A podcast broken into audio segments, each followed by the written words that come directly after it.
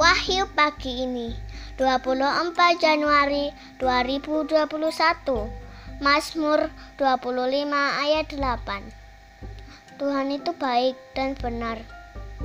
Sebab itu ia menunjukkan jalan kepada orang yang sesat. Teman-teman yang baik Mari dengan rendah hati mengikuti jalan Tuhan Yaitu kebaikan dan kebenaran Mari menunjukkan kebaikan itu dengan mendoakan dan membantu orang yang menderita. Selamat berhari Minggu, berkah dalam